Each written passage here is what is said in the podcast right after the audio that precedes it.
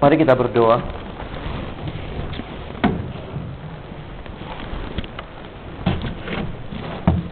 Kami bersyukur kepada Tuhan yang boleh hadir ke dalam dunia melalui putramu Tuhan kami Yesus Kristus. Kami bersyukur ya Tuhan, kami boleh mengenal Engkau di masa muda kami. Dan kami berdoa biarlah sungguh-sungguh ketika kami boleh merayakan Natal sekali lagi pada hari ini. Biarlah kasih Tuhan boleh kami alami dengan nyata. Kasih Tuhan boleh kami bagikan ke dalam dunia di sekitar kami di mana Tuhan menghadirkan kami.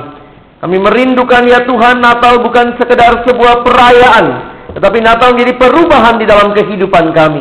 Kami bukan menjadi orang-orang yang mengikuti dunia ini, tapi kami boleh belajar mengikut Tuhan sejak masa muda kami. Berkatilah ya Tuhan setiap kami yang pada sore hari ini bersama-sama akan membuka firman-Mu ya Tuhan. Bukalah juga hati kami. Jadikan hati kami seperti tanah yang baik, supaya ketika benih firman Tuhan ditaburkan itu boleh sungguh-sungguh berakar, bertumbuh dan juga berbuah nyata di dalam kehidupan kami. Berkatilah hambamu yang menyampaikan firman setiap kami yang mendengarkan firman. Tolonglah kami semua agar kami bukan hanya menjadi pendengar-pendengar firman yang setia, tetapi mampukan kami dengan kuat kuasa pertolongan rohmu yang kudus menjadi pelaku firman di dalam kehidupan kami. Bersabdalah ya Tuhan, kami anak-anakmu sedia untuk mendengarkan. Di dalam satu nama yang kudus, nama yang berkuasa. Nama Tuhan kami Yesus Kristus. Kami menyerahkan jam pemberitaan firman-Mu. Amin. Shalom. Selamat sore, saudara yang dikasihi Tuhan. Sore hari ini kita bersyukur kalau Tuhan boleh memberikan kesempatan untuk kita merayakan Natal sekali lagi. Saya tidak tahu ini sudah Natal yang keberapa yang saudara ikuti. Apa ini perayaan Natal pertama? Mungkin bukan ya. Di sekolah mungkin sudah pernah ada perayaan Natal juga. Mungkin juga ada Natal di komisi lain yang saudara ikuti. Dan malam ini, sore hari ini kita merayakan Natal bersama-sama di tempat ini. Nah, saya mau mengajak kita bersama-sama merenungkan tema yang menjadi tema yang diberikan buat kita apa yang saudara lihat di situ? Be a trendsetter. Apa artinya? Apa artinya? Di dalam tubuh yang saya terdapat jiwa yang kuat. Be a trendsetter. Jadilah seorang yang membawa tren, yang boleh mengarahkan tren itu. Dan kalau bicara tren, sebenarnya ini sesuatu yang sangat uh, bersifat budaya. Di saat-saat anak muda di dalam dunia ini mungkin sedang mengikuti sebuah tren. Saudara dan saya diminta untuk bukan menjadi trend follower, bukan pengikut tren, tetapi kita menjadi trend setter, orang yang mengarahkan tren itu. Dan kalau saya mau mengajak saudara melihat di dalam konteks Natal secara khusus pada sore hari ini kita akan belajar melihat apa yang Tuhan kasih, Tuhan nyatakan di dalam dunia ini. Dia memberikan sebuah tren, sebuah perubahan, sebuah sistem nilai yang baru. Di saat orang-orang begitu sibuk dengan dirinya sendiri. Natal menjadi sebuah perayaan di mana Allah memberikan semuanya sepenuhnya kehidupannya untuk kita manusia yang berdosa. Saya mau mengajak saudara melihat di dalam in, uh, kitab 1 Yohanes pasal yang keempat ini satu bagian yang saya renungkan dalam waktu Natal dan juga saya rindu sore hari ini kita sama-sama baca dan renungkan satu Yohanes pasalnya yang keempat. Mari kita membaca di dalam ayat yang ke-10 dan ayat yang sampai ayat yang ke-12. Satu Yohanes pasal yang keempat ayat 10 sampai dengan ayat yang ke-12. Yang pria bersama saya baca ayat 10, wanita ayat 11 dan kita semuanya akan membaca ayat yang ke-12. Oke, mulai dari yang pria, wanita dan kemudian kita sama-sama ayat 12. Yang pria mulai 1 2 iya. Inilah kasih itu bukan kita yang telah mengasihi Allah, tetapi Allah yang telah mengasihi kita dan yang telah mengutus anaknya sebagai pendamaian bagi dosa-dosa kita. sama-sama tidak ada seorang pun yang pernah melihat Allah. Jika kita saling mengasihi, Allah tetap di dalam kita dan kasihnya sempurna di dalam kita. Saudara yang kekasih dalam Tuhan, kalau kita mempelajari kitab Yohanes, Injil maupun surat-suratnya, kita akan melihat bahwa Rasul Yohanes adalah salah seorang yang sangat dalam berbicara mengenai kasih. Dan waktu bicara tentang kasih, dia bicara kasih yang pertama-tama kepada Allah dan yang kedua kasih kepada sesama. Saya terkejut beberapa tahun yang lalu waktu ke toko buku mau Natalan seperti ini, saya ingat saya ke toko buku lalu saya menemukan buku kecil ini. Judulnya apa? Makna horizontal Natal. Makna horizontal Natal ditulis oleh salah seorang pastor Katolik dia bicara bagaimana sering kali di dalam kita merayakan Natal, kita lupa ada makna horizontal. Kalau kita lihat salib, menarik sekali salib punya dua dimensi ya. Ada dimensi yang vertikal, manusia dengan Allah. Tetapi pada saat yang sama jangan lupa salib juga punya makna horizontal, manusia dan sesamanya. Apa yang saudara lihat dalam drama tadi? menyatakan bahwa banyak orang mengaku saya mengasihi Tuhan, saya melayani Tuhan, tetapi pada kenyataannya dia melupakan, dia bahkan tidak hidup di dalam kasih kepada sesama. Dan ini menjadi satu perenungan yang saya harap kita sungguh-sungguh pikirkan. Kalau saudara sudah banyak belajar dalam bulan ini, di dalam masa Advent, saudara banyak belajar bagaimana keluar dari comfort zone. Apa yang Yesus lakukan? Dia keluar dari comfort zone-nya. Waktu Yesus datang ke dalam dunia, saudara bayangkan. Dia Allah yang sungguh tidak terbatas. Dia pencipta alam semesta ini. Saya ingat waktu pergi ke salah satu air terjun yang tinggi sekali di daerah saya dulu, di daerah Makassar waktu saya SMA di sana. Lalu kami kunjungan biasanya waktu lagi kenaikan kelas, perpisahan kelas, kita suka ke air terjun yang tinggi sekali. Dan sampai beberapa kali begitu sampai di bawah air terjun itu beberapa kami yang Kristen tiba-tiba langsung nyanyi gitu ya. Maka jiwaku pun memujimu. Ada sebuah perasaan sungguh luar biasa melihat alam yang sangat luas ini. Dan kalau melihat alam yang begitu megah, begitu agung. Kalau alamnya saja begitu agung, bagaimana lagi penciptanya? Pernahkah saudara bayangkan Sungguh luar biasa pencipta alam semesta ini. Tetapi pada saat Natal, saudara perhatikan baik-baik. Allah yang menciptakan alam semesta ini rela datang dan membatasi diri di dalam bentuk seorang bayi. Wah keluar jauh banget dari comfort zone-nya saudara ya. Kalau kita pikir-pikir sungguh luar biasa.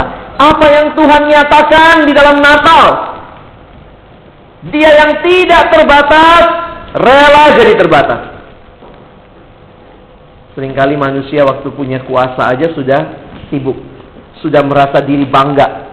Begitu banyak orang yang tadinya punya power, punya kuasa, duduk di pemerintahan. Begitu memasuki masa yang namanya mau pensiun, ada namanya MPP. MPP masa persiapan pensiun. Banyak yang suka ngeledek. MPP itu artinya mati pelan-pelan. Ya, orang yang sudah biasa hidup mewah tiba-tiba pensiun kayak kaget, shock. Aduh, gimana ya? Sekarang ini susah, itu susah, dulu mau apa saja ada. Ada sebuah semangat di mana manusia selalu mau lebih besar, lebih besar, lebih besar. Makin comfort, makin comfort, makin comfort. Itu kenyataan kita manusia yang egois. Tapi Natal memberikan kenyataan bagi kita. Allah yang besar itu rela menjadi terbatas, malah meninggalkan comfort zone-nya. Demi siapa, saudara? Demi kita manusia. Sehingga pada hari ini saya mau mengajak saudara merenungkan kasih Allah yang sungguh luas dan lebar dan dalam itu. Kita belajar dari kasih Tuhan. Waktu kita belajar kasih Tuhan, mari kita belajar meneladani kasih itu. Indonesia ini katanya salah satu bangsa yang sedang mengalami keterpurukan dengan berbagai hal. Tapi kemudian ada yang mengatakan jauh lebih penting lagi sebenarnya bangsa ini masalahnya adalah masalah sumber daya manusia. Pemimpin-pemimpinnya korupsi, pemimpin-pemimpinnya sibuk mikirin diri sendiri. Dan ternyata semangat itu juga masuk di banyak gereja. Oh, ada orang-orang di gereja yang sibuk mikirin diri sendiri sehingga tidak heran banyak gereja yang berantem pecah. Ada pengurus-pengurus yang sibuk mikirin dirinya sendiri. Kalau maunya tidak di, dilakukan dalam gereja keluar, maunya saya punya kehendak yang dilakukan. Sehingga ada yang mengatakan kita ini kehilangan teladan, saudara. Kita nggak punya teladan. Siapa yang mau kita teladani? Ya dalam kenyataannya manusia bisa gagal. Tapi mari kita belajar kembali meneladani Allah yang di dalam Natal telah memberikan teladan kerendahan hati yang sungguh-sungguh luar biasa. Dari ayat yang kita baca tadi saya ingin mengangkat tiga hal yang bisa saudara dan saya pelajari dengan mendalam dari kasih Allah. Apa yang bisa kita pelajari dari kasih Allah? Yang pertama, Mengertilah bahwa kasih Allah itu adalah kasih yang menyelamatkan. Masih ingat Yohanes 3:16? Karena begitu besar kasih Allah akan dunia ini sehingga ia telah mengaruniakan anaknya yang tunggal supaya apa? Supaya setiap orang yang percaya kepadanya tidak binasa tetapi beroleh hidup yang kekal. Numpang tanya, kalau Kak Alex tanya apa itu binasa? Apa itu binasa? Binasa itu mati. Bukan sekedar mati, mati selama lamanya. Bayangkan, mati selama-lamanya, terpisah dari Allah selama-lamanya. Dan perhatikan ketika Natal dialami, kasih Allah dinyatakan dalam Yesus maka kehadiran Yesus memberikan kepada kita apa? Bukan sekedar kita dibawa jadi tidak mati.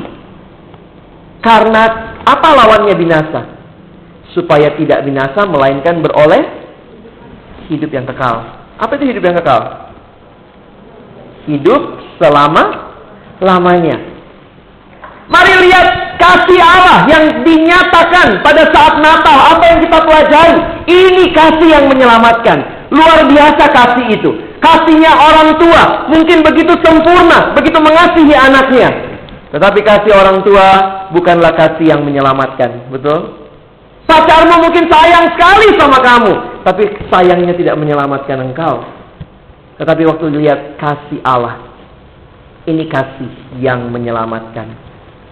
Kasih yang di dalam pengertian kita. Bukannya saya yang tadinya baik. Atau mungkin saya baik jadi lebih baik. Saya yang miskin jadi lebih lebih kaya sedikit. Bukan kasih yang seperti itu yang Tuhan berikan buat kita. Tetapi kasih yang tadinya saya binasa. Saya mati selama-lamanya. Dipindahkan. Sekarang saya hidup selama-lamanya. Makanya ini sebuah kenyataan. Puji Tuhan. Apa yang saudara dan saya lakukan pada saat Natal, biarlah kita menyadari bahwa kita mengalami kasih yang luar biasa yang Tuhan sampaikan di dalam Kristus kepada kita. Sehingga waktu bicara tentang Natal, jangan lupa, di situlah kalau saudara mengerti Natal yang sesungguhnya, kita mengerti ayat 10 tadi. Bukan kita yang telah mengasihi Allah, tetapi Allah yang telah mengasihi kita dan telah mengutus anaknya sebagai pendamaian atas dosa-dosa kita. Kenapa dosa-dosa kita? Karena dosa upahnya maut. Maut berarti binasa. Binasa berarti mati selama-lamanya. Neraka. Tetapi kasih Allah membawa kita yang tadinya mati boleh hidup. Alami ini saudara dalam kehidupan kita. Makanya saya menarik kalau lihat lagu-lagu Natal ya. Baru belakangan makin sadar ya. Memang masalah kita ini masalah hati ya. Coba lihat misalnya kalau ada ada kalimat bahasa Inggris bilang begini, what is the problem? What is the heart of the problem? The heart of the problem problem is the problem of the heart. Ya? Makanya lagu-lagu Natal nggak heran lah banyak bicara tentang kasih, tentang hati. Hai dunia gembiralah dan sambut rajamu terus apa? Di perutmu gitu. Apa yang paling penting saudara siapkan waktu Natal? Apa yang paling penting saudara siapkan waktu Natal? Perut? Hati. Tadi lagu terjemahan ya. Christmas isn't Christmas till it happens in your heart. Somewhere deep inside you is where Christmas really starts. So give your heart to Jesus. You'll discover when you do that Christmas really Christmas for you. Natal hanya akan menjadi Natal kalau saudara alami dalam hatimu. Apa artinya hati yang mengalami Natal? Mengalami Kristus menyelamatkan dan itu sesuatu yang sungguh luar biasa.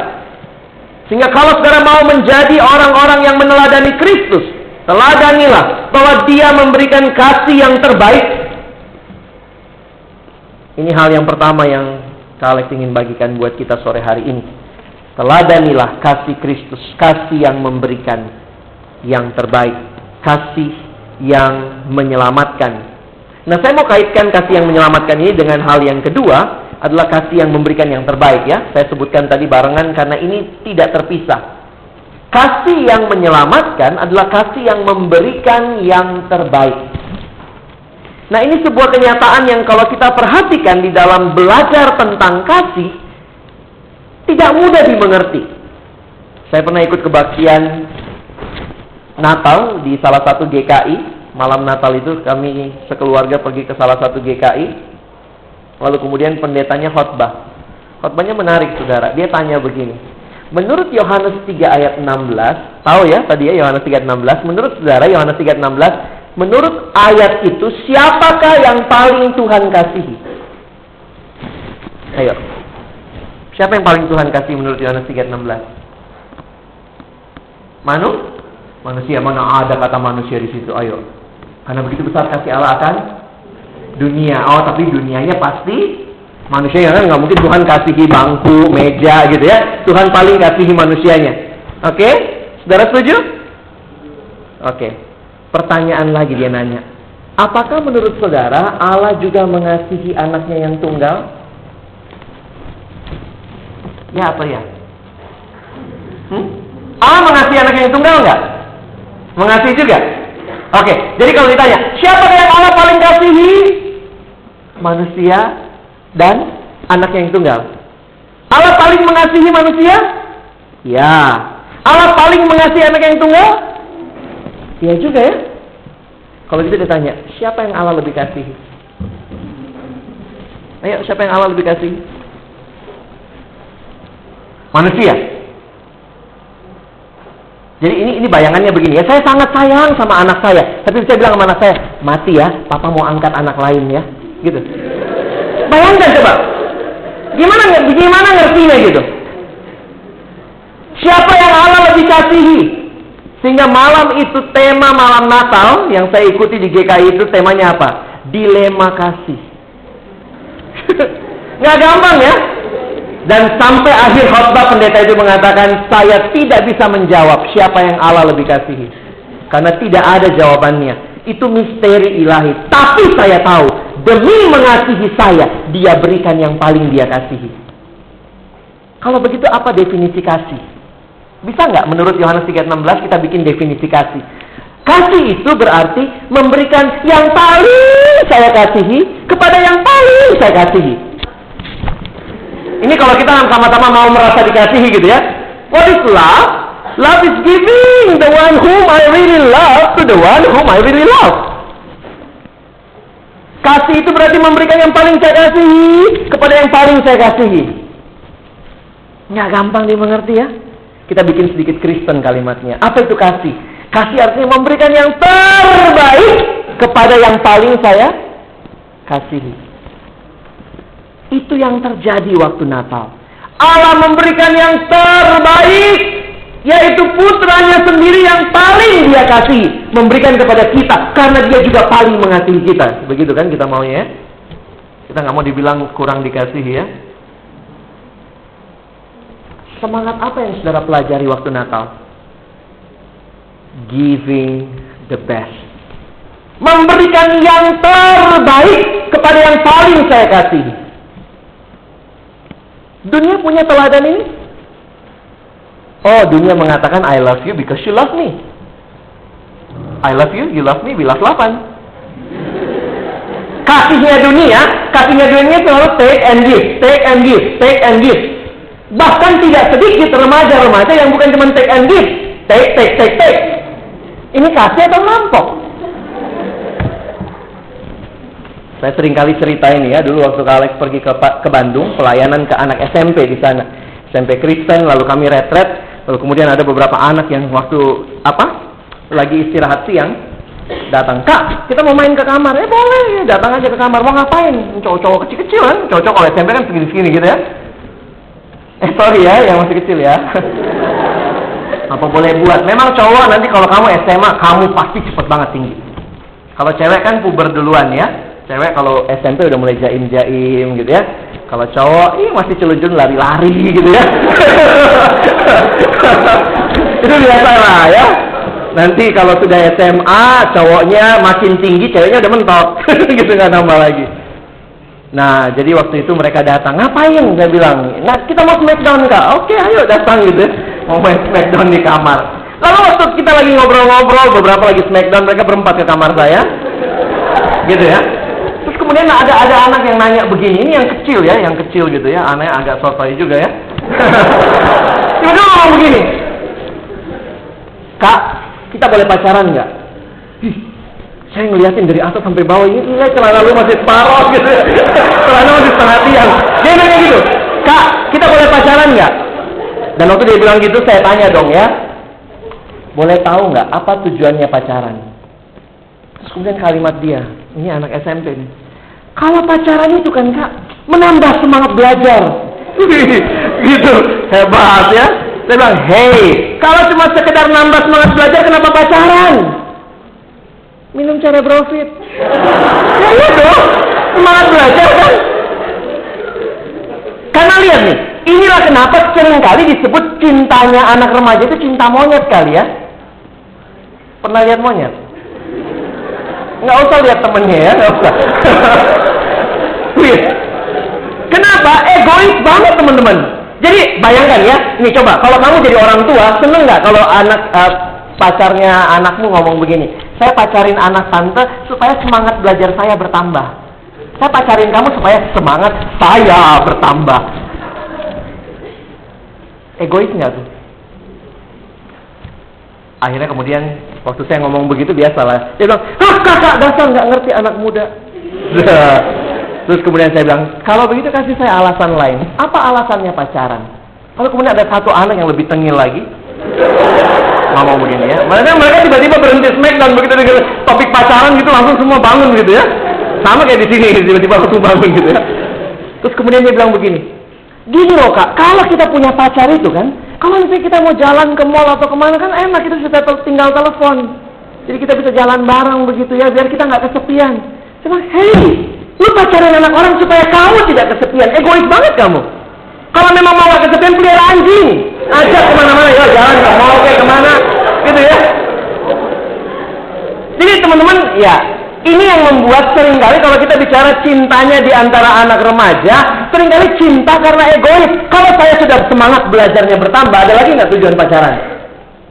Sudah ya, sudah selesai semangat belajar saya sudah bertambah. Dadah, saya mau pacarin yang lain lagi gitu ya. Kenapa? Karena egois. Ini semangatnya I take from you, I take from you. Ini semangat perampok. Kalau kalian punya semangat seperti itu beda banget sama Natal. Waktu Tuhan Yesus datang ke dalam dunia, dia ngambil? Enggak, dia beri. Makanya ada ada yang mengatakan paling gampang dalam bahasa Indonesia menjelaskan kasih. Apa itu kasih? Kasih, ya kasih. Ya. What is love? Love is giving. Bukan taking. Kalau semangat Natal itu adalah taking, taking, taking, kita tidak menjadi trend trendsetter dalam hal ini. Kasihnya dunia, kasih yang selalu ngambil. Yang penting buat saya. Itu tren dunia. Kalau saudara mau menjadi orang-orang yang meniru kasih Allah, trendsetter, ganti. Belajar mengasihi dengan memberi. Balik ke monyet lagi. Monyet sukanya makan apa? kacang, pisang. Nah, anggaplah kamu lagi pegang kacang, pegang pisang, lalu ada monyet deketin. Biasanya gitu ya, begitu kita pegang kacang, pisang, kalau ke tempat-tempat yang banyak monyet, ya langsung otomatis deket gitu ya. Kamu nggak pakai jambi-jambi ya, datanglah monyet, datang nggak usah, datang sendiri tuh. Datang. Nah, begitu datang, kemudian waktu kita kasih pisangnya, kita kasih kacangnya, biasanya monyetnya ke mana? Lari pergi kan? Makan di atas pohon. Mungkin kamu waktu itu lagi pengen banget makan bersama monyet. Please stay with me, nyet. Gitu ya. Ayo makan sama saya. Mungkin begitu ya. Tapi ya namanya monyet begitu. Makanya kenapa cinta remaja itu cinta monyet. Saya mencintaimu kalau saya cuma mau sesuatu dari kamu. Kalau saya mau sesuatu, saya cintai kamu. Makanya banyak remaja yang belum siap menikah. Karena menikah janjinya serem ya. Dalam, suka maupun duka. Mau nggak? Kayak sekarang kan enak-enak aja. Aku lagi bete, putus ya. Yeah. Besok, eh gue lagi seneng. Nyambung lagi yuk. Ini kasih yang kondisional. Nah, tapi kalau sudah menikah, di depan altar Tuhan kita berjanji, aku mengasihi engkau dalam suka maupun duka. Waktu sehat maupun sakit. Waktu kaya dan lebih kaya. kita juga berjanji. Karena kenapa? Love is giving.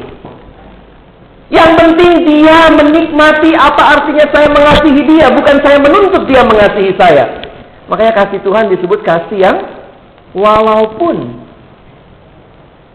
Ini kasih yang luar biasa. Pertama, kasih Allah adalah kasih yang menyelamatkan. Dunia tidak punya kasih model begini. Yang kedua, kasih Allah adalah kasih yang memberikan yang terbaik kepada orang yang dikasihi. Dan yang ketiga, kasih Allah di dalamnya ada pengorbanan. Memberi yang terbaik itu pasti nggak gampang ya. Kira-kira bagaimana? Pernah nggak membayangkan? Pernah nggak membayangkan bagaimana suasana surga waktu perpisahan waktu Yesus mau datang ke dunia? Kita kalau ada teman mau perpisahan, mau ke mana? Mau ke, mau ke studi sekolah bahasa. Oh, makan-makan nggak tuh? Yeay, makan-makan. Lu mau studi kan? Ada teman ke Australia, gila. Eh, makan-makan lo. Lu kan mau pergi ke sana studi. Yesus datang ke dunia, kira-kira Bapak tahu nggak ngapain Yesus ke dunia? Putus kamu Yesus untuk mati. Ayo makan-makan anak gue mau mati. Ya, ya, tunggu, tunggu. Saya lagi bayangkan gini, ya ampun. Kira-kira ada pesta perpisahan apa di surga ya waktu Yesus mau ke dunia ya? Pernah menuliskan renungan dia mengatakan saya sedang membayangkan ketika para malaikat berbaris mengantar sang putra tunggal Allah yang akan datang ke dalam dunia Kira-kira malaikatnya senang, ya Yesus, selamat jalan ya ke dunia ya. Itu buat mati saudara. Yesus ke dunia kan bukan studi tour kan? Studi banding gitu. Bosan kayak tadi, aduh di surga putih-putih semua ya udah ke dunia agak hitam-hitam dikit. Apa Yesus ke dunia? Menyelamatkan saudara dan saya. Sehingga kalau kita mengerti kasih, kasih adalah kasih yang berkorban. Dan dunia tidak kenal kasih ini. Saudara mau jadi trendsetter?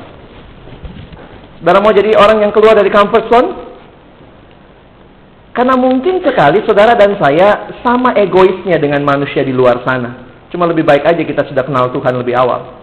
Kita kadang-kadang dalam banyak hal tidak lebih baik dari orang di luar sana.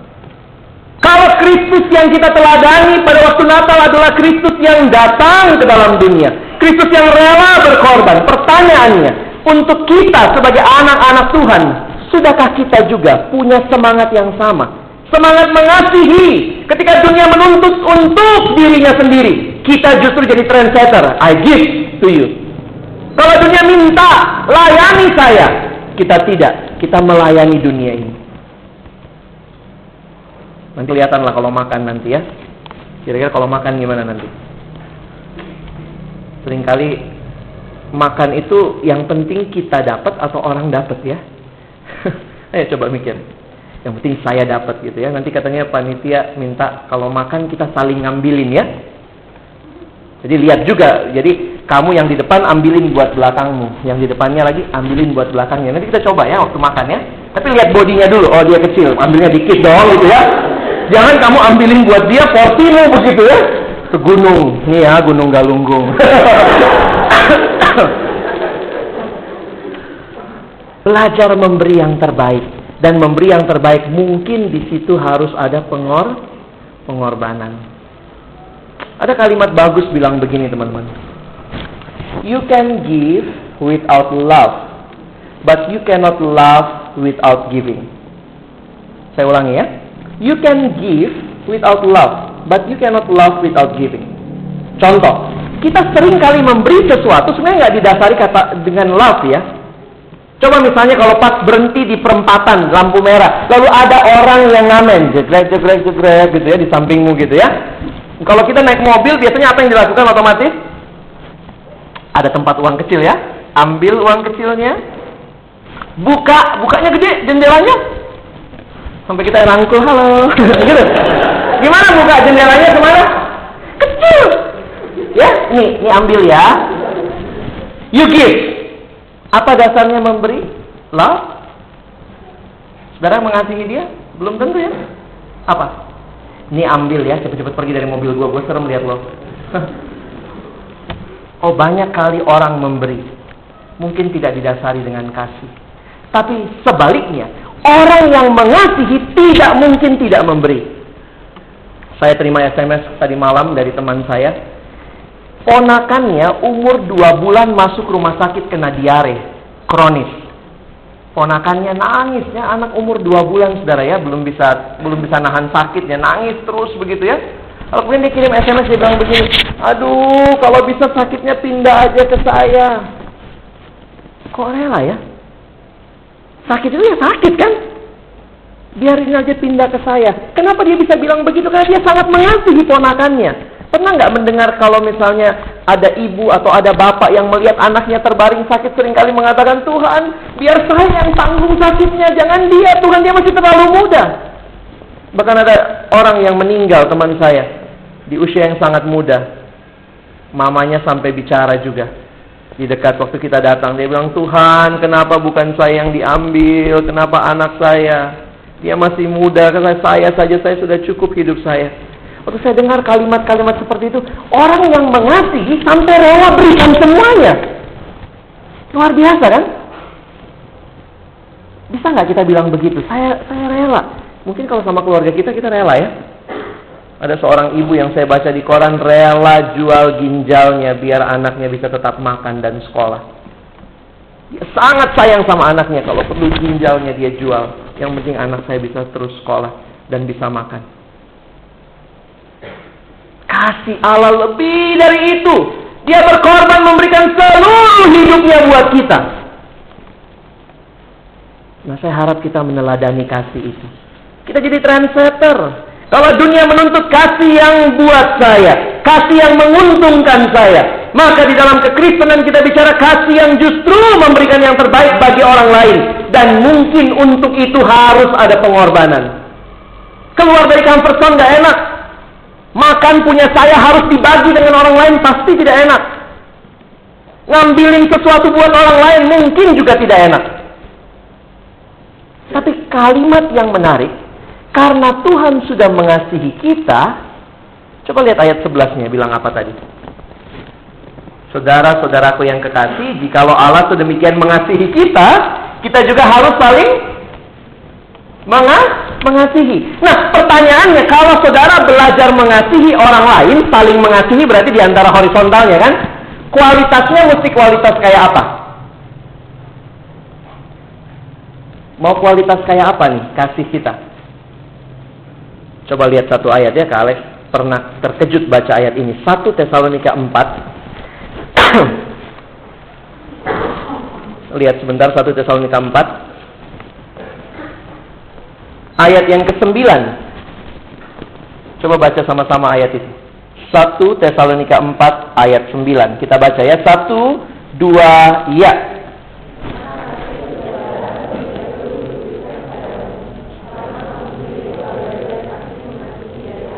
Kita katanya telah belajar kasih mengasihi dari dari Allah. Kalau kasih Allah itu kasih yang memberi yang terbaik, kalau kasih Allah itu kasih yang berkorban, waktu kita mengasihi sesama, harusnya kualitasnya gimana? Sama ya. Dengan pemahaman inilah saya cukup terkejut ketika pertama kali saya baca satu ayat. Saya baca ulang-ulang, nggak salah cetak nih ayat. 1 Yohanes 3 ayat 16. Kita kan suka Yohanes 3:16 ya. Sekarang coba baca 1 Yohanes 3:16. Renungkan di rumah dan terkejutlah bersama saya. Coba baca 1 Yohanes 3:16, baca sama-sama ya. 1 2 3. kita ketahui kasih Kristus itu bahwa ia telah menyerahkan nyawanya untuk kita. Jadi kita pun Yesus kasih nyawa buat kita. Kita disuruh kasih nyawa buat siapa? Saudara seiman. Ayo minta teman. Ya, ya, Buktikan kasihmu kepadaku. Please die for me dong. Saya kaget baca ayat ini. Karena lihat, disejajarkan. Kasih Allah kepada kita adalah kasih yang memberikan nyawa. Kasih kita kepada sesama kualitasnya harus bagaimana? Berikan nyawa juga. Oh, waktu saya berenungkan ini saya katakan Tuhan, kalau saja semua orang Kristen betul-betul menghayati prinsip kasih yang seperti ini, betul-betul kita jadi trendsetter. Kan ini kasih yang dunia aja nggak kenal kasih kayak gini kan? Dunia mengenal kasih yang yang rampok tadi. Ini memberikan nyawa, sudah memberikan nyawa, kita diminta juga berikan nyawa buat sesama. Gila nggak? Luar biasa. Comfort nggak ini? Comfort zone kita. Ini ambil hidup saya, ini ambil nyawa saya. Saya agak takut juga, tapi puji Tuhan ternyata ayat itu itu standar paling tingginya. Berikan nyawamu kalau diminta, begitu kan? Iya dong, kalau nggak diminta ya jangan beri nyawa gitu ya. Apa yang kamu punya sekarang? Ayo, Punya apa? Ayo baca ayat 17-18-nya. Puji Tuhan ada bawahnya. Aduh, kadang kalau nyawa kan serem juga ya. Barang siapa mempunyai harta duniawi dan melihat saudaranya menderita kekurangan tetapi menutup pintu hatinya terhadap saudaranya itu, bagaimana kasih Allah dapat tetap dalam dirinya? Anak-anakku marilah kita mengasihi bukan dengan perkataan atau dengan lidah, tetapi dengan perbuatan dan dalam kebenaran. Jadi puji Tuhan. Kalau diminta nyawa, ya kasih nyawa. Itu tertingginya. Tapi sederhananya, kalau kamu punya uang, kamu lihat orang kekurangan. Kayak tadi itu, yang nangis gitu ya. Saya tidak mengatakan teman-teman kita harus bantu semua orang di seluruh dunia. Kita juga terbatas kan. Kadang-kadang kita bisa itu ya, kalau lihat video gitu ya, saya kalau lihat misalnya penderitaan anak-anak di Afrika, wih bisa kasihan banget mereka di Afrika. Tuhan utus saya ke Afrika. Le, Afrika, Afrika jauh-jauh samping rumah kita juga orang nggak makan, mungkin kita nggak peduli. Jangan jadi orang yang melupakan bahwa Tuhan hadirkan kamu di tempat-tempat di mana pasti di situ ada orang-orang yang membutuhkan saudara dan saya. Puji Tuhan, mereka di Afrika. Kalau saudara memang tertantang, serahkan diri jadi misionaris ke Afrika, ke daerah-daerah miskin, silahkan. Tapi jangan merasa Tuhan saya tidak bisa seperti yang lain. Bisa. Di mana saudara hadir? Mungkin di situ ada orang yang membutuhkan. Di rumahmu. Rumah sudah jadi hotel? Seperti tadi Michael, mamanya sakit pun tidak ada kesempatan dengar keluh kesahnya. Karena mungkin anak-anak yang sibuk dengan pelayanan tidak salah melayani kan? Tapi kalau pelayanan kita kita katakan bagi Tuhan. Tetapi pada saat yang sama Tuhan mengatakan kasihi sesama. Engkau lupa mengasihi sesama. Engkau lupa di mana engkau hadir. Rumahmu cuma hanya jadi hotel. Begitu pulang juga masuk kamar tidak pernah lagi bertutur sapa dengan keluarga. Bagaimana kita jadi terang bagaimana kita jadi garam Kadang-kadang garam kumpul terus sama garam ya. Garam kumpul terus sama garam ya jadi gudang garam. Eh? Mau ngapain? Hadir di mana Tuhan hadirkan saudara. Dalam beberapa pelayanan yang saya lakukan, saya katakan kita tidak diminta sesuatu yang kita nggak punya. Itu bukan prinsipnya Tuhan. Tuhan hanya akan menuntut kita meminta apa yang sudah Dia berikan buat kita ya. Ketika saya remaja, saya ingat ada satu dua kali kesempatan saya dilatih juga diajar oleh orang tua saya kalau punya sesuatu kasih sama orang juga. Belajar kasih. Sehingga itu biasanya tertanam sampai sekarang. Kalau beli baju Natal, beli satu berarti ada satu yang mesti keluar dari lemari saya. Ya dong. Kadang kenyataannya kita nggak bisa pakai baju Natal kita 10 misalnya 10 10 nya dipakai ada kita kita kadang-kadang egois ya. Baju udah seribu pun, udah banyak pun maksudnya gitu ya. Masih beli lagi. Saya bukan mengatakan nggak boleh baju baru. Tapi mulai punya kebiasaan. Kalau ada satu yang nambah, harus ada satu yang keluar dari lemari. Karena mungkin ada orang lain yang butuh baju itu. Kadang-kadang lemari kita biar 10 lemari juga nggak cukup. Kenapa bajunya nambah terus? Begitu mati cuman masuk satu kali dua. Ikut bajumu. Datang ke dalam dunia kata Alkitab telanjang kan? Syukur-syukur waktu pulangnya nggak telanjang. Ya kan? Kalau mati sekarang kan dibajuin, dipakai baju manis-manis, tapi mati.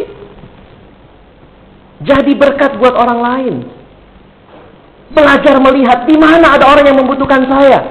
Ketika saya kuliah, saya ingat satu bulan kami sisihkan tiga ribu rupiah. Memang zaman itu tiga ribu rupiah mungkin sedikit sekali.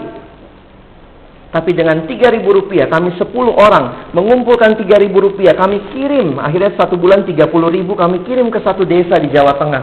Saudara tahu, dari uang itu ternyata mampu menyelesaikan enam anak sampai selesai SD. Semangkok bakso tuh. Sekali makan. Tapi waktu diberikan kepada orang lain, kami tahu ada yang membutuhkan di sana, ada jemaat, anak-anaknya nggak bisa sekolah, kita kirimkan Ternyata mereka bisa sekolah. Enam anak tamat SD. Ketika saya punya teman belajar untuk memberikan kepada dia. Satu bulan sisihkan sepuluh ribu. Ada beberapa teman yang punya komitmen seperti itu. Ternyata itu Tuhan pakai dia selesai STM.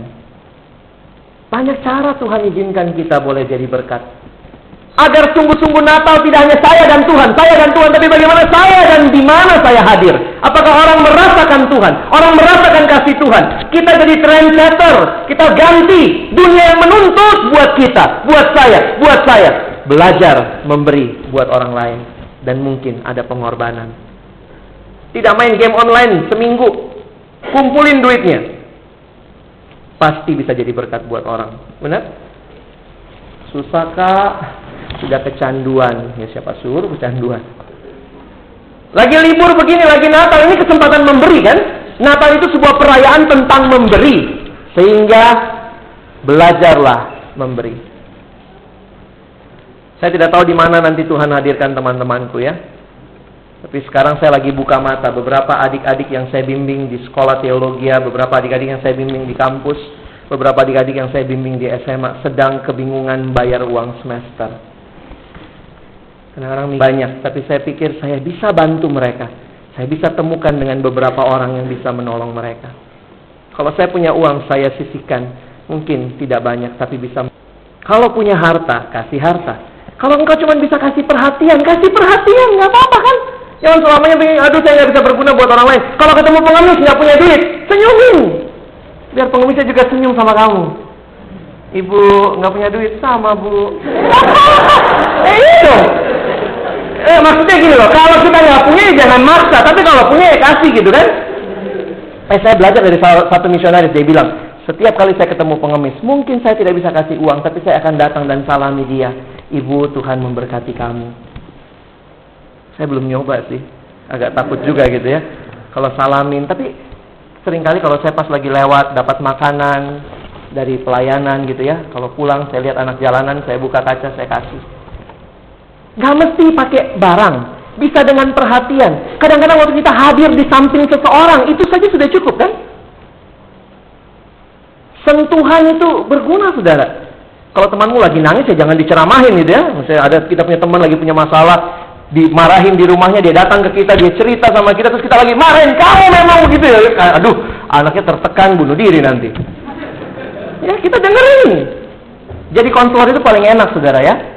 Kenapa saya katakan paling enak gitu? Modalnya gampang, modalnya oh, uh -uh. oh gitu, hmm, oh, gitu aja. Cuma biasanya agak lama setengah jam gitu ya. Kadang-kadang ada orang yang tidak butuh nasihat, dia cuma butuh didengerin.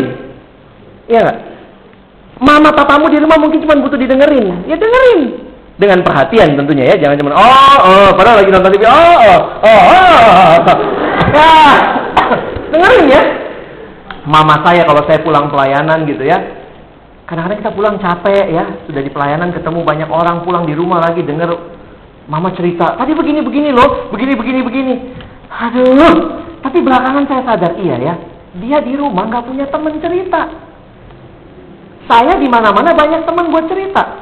Sehingga akhirnya saya sekarang berkomitmen, kalau pulang saya akan kasih waktu. Seringkali memang waktu pulang saya sadar gitu ya. Begitu pulang telepon sudah bunyi, ada yang sharing di telepon. Sekarang saya batasin tidak. Kalau pulang telepon taruh dulu. Saya ngobrol sama mama saya dulu. Kalau memang ada yang diobrolin baru mungkin ada yang mau telepon atau apa saya angkat. Kita belajar cari cara untuk menjadi berkat buat orang lain. Be a trendsetter. Saya rindu firman Tuhan malam hari ini. Kita belajar keluar dari comfort zone kita. Sebagaimana Kristus telah memberikan teladannya. Ada satu cerita yang berkesan dari pengalaman yang Tuhan izinkan saya alami. Pada waktu itu, saya dengan salah satu teman lagi makan ya. Lagi makan di pinggir jalan di warung tenda begitu lagi makan ayam ayam goreng. Dan waktu lagi makan ayam goreng begitu ya kalau di pinggir jalan itu lagi makan ayam goreng itu banyak banget yang lewat pengamen ya. Beberapa pengamen sudah lewat sampai ada akhirnya satu pengamen anak kecil saya terus terang juga akan agak bergumul memberikan uang kepada pengamen ya kenapa karena tidak selamanya memang mungkin masalah mereka uang karena waktu dapat uang belum tentu mereka bisa pakai dengan baik ya tapi ini memang uh, dilema juga. Saya pernah pelayanan ke anak jalanan, saudara tahu penghasilan mereka lumayan loh sehari. Dan anak jalanan itu harus menghabiskan uangnya hari itu juga. Tidak ada pemahaman mereka tentang simpan duit. Kenapa? Karena kenapa kalau mereka tidur di jalan dan ada uang di kantong itu bisa dicuri sama temannya. Jadi akhirnya mereka punya kebiasaan dapat uang dan harus dibelanjakan hari itu juga. Jadi tidak selamanya memang uang jadi uh, pergumulannya begitu. Karena ini masalah mental ya. Nah, tapi kenyataan yang saya lihat waktu itu ada seorang anak kecil, mungkin masih kelas 3 SD atau apa ya.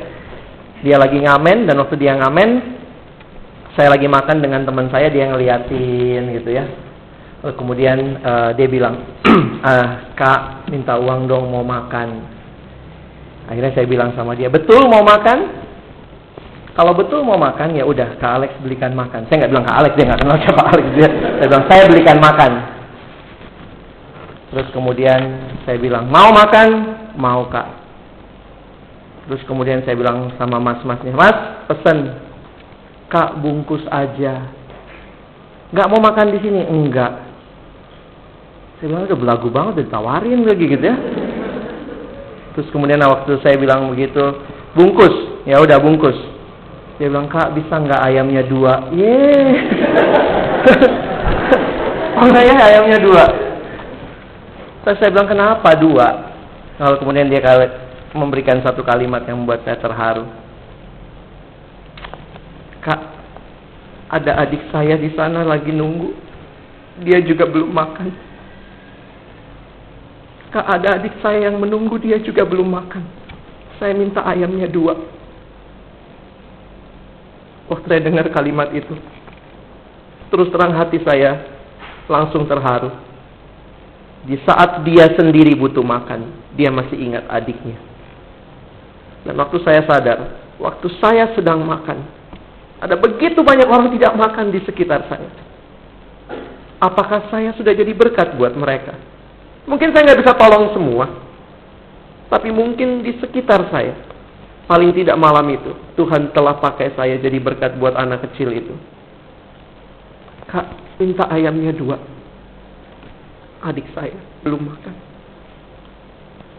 Kasih Allah dinyatakan bagi kita. Bukan untuk bikin kita tambah egois.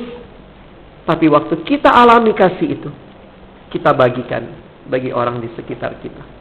That is a trend setter. Tidak ikut dunia, tapi ikut kasih Allah. Selamat Natal teman-temanku. Alami kasih dan bagikan kasih Allah. Amin. Mari kita tunduk kepala, kita berdoa.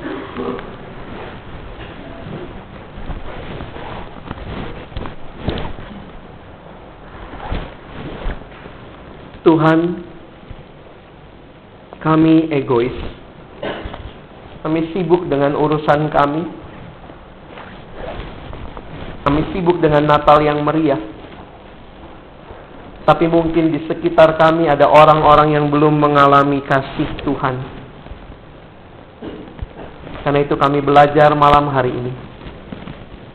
Jadikan kami orang-orang yang mau juga menjadi berkat di mana Tuhan hadirkan kami. Anak yang kecil tadi mengajarkan banyak hal kepada hambamu. Dalam penderitaan dia, dalam kelaparan dia, dia masih ingat adiknya. Seringkali di dalam kesenangan kami, kami sering kali lupa. Ada begitu banyak orang yang belum menikmati kasih yang dari Tuhan. Dan mereka dekat dengan kami. Mungkin itu tetangga kami, teman kami di sekolah. Mungkin itu pembantu kami di rumah. Mungkin itu supir kami di rumah. Atau mungkin itu papa mama kami. Kami tidak berikan telinga untuk mendengar cerita mereka.